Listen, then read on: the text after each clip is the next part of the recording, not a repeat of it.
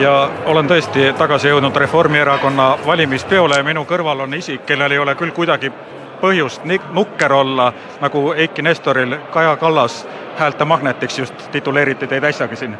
ja tõesti tore. Te olete esimest korda erakonna esimehena selles rollis ehk valimistele erakond viia ja tulemus on hea. ja ei saa kurta jah tulemus on väga hea jah mida te ootasite ja, ja kas sellega olete nüüd lõplikult rahul või tahate, et veel paremaks võiks muutuda? ilmselt Keskerakonnale tuleb paremaid kohti siit ja olukord paraneb nende jaoks. ja ei, loomulikult, äh, loomulikult meie valija on väga palju e-valija, et, et see, et tema valib äh, siis elektrooniliselt on loogiline, aga kõik need hääled, mis meil praegu on, neid meilt ära ei, keegi ei võta, nii et, et see kõik, mis tuleb, tuleb juurde kas närv erakonna esimehena valimiste õhtul on teistsugune kui mingil muul päeval?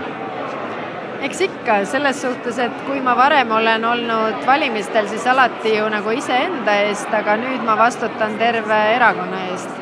et, et noh, et selles suhtes on teistsugune olukord tõesti. ega vist praegu ei ole põhjust veel öelda, et see närv oleks üle läinud, sest tegelikult see, milline tuleb lõplik tulemus, see määrab seda, kes hakkab kõnelusi pidama.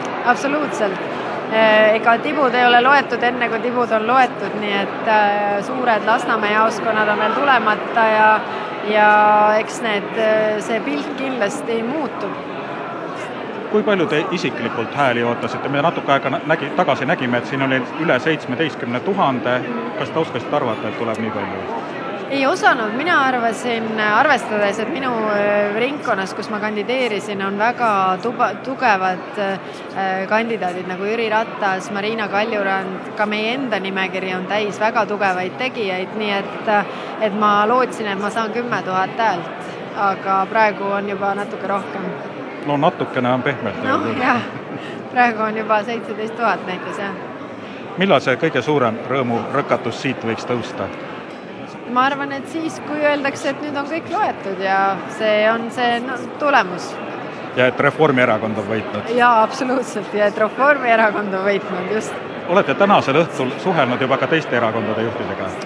jaa, olen äh, põgusalt, suhtlesin küll päeval kõigiga, et soovisin edu ja, ja ütlesime, et elame-näeme, hoiame uksed lahti aga siiamaani te ise veel õnnitlusi ei ole saanud, oleks juba põhjust võib-olla? ei, veel ei ole, eks kõik ootavad ikkagi tulemusi ja on teil plaanis ka täna teiste erakondade valimispidusid külastada?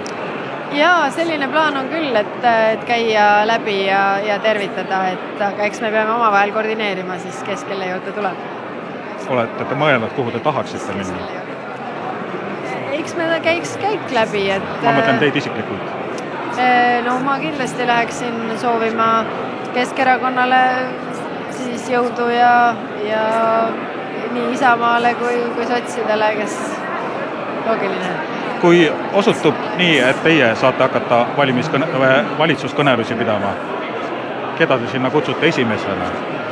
Me teame enam-vähem, mis tulemused tulevad. jaa, no me hoiame ju uksed lahti, et eks, eks me vaatame, noh, ma olen öelnud, et EKRE-ga on väga raske seda koostööd näha, aga kõik teised erakonnad, ma arvan, et me kindlasti suhtleme, me vaatame, kus meil kattuvused on. aga EKRE ikkagi on välistatud? jaa, EKRE on välistatud aitäh ja põnevat ootamist! jaa, aitäh!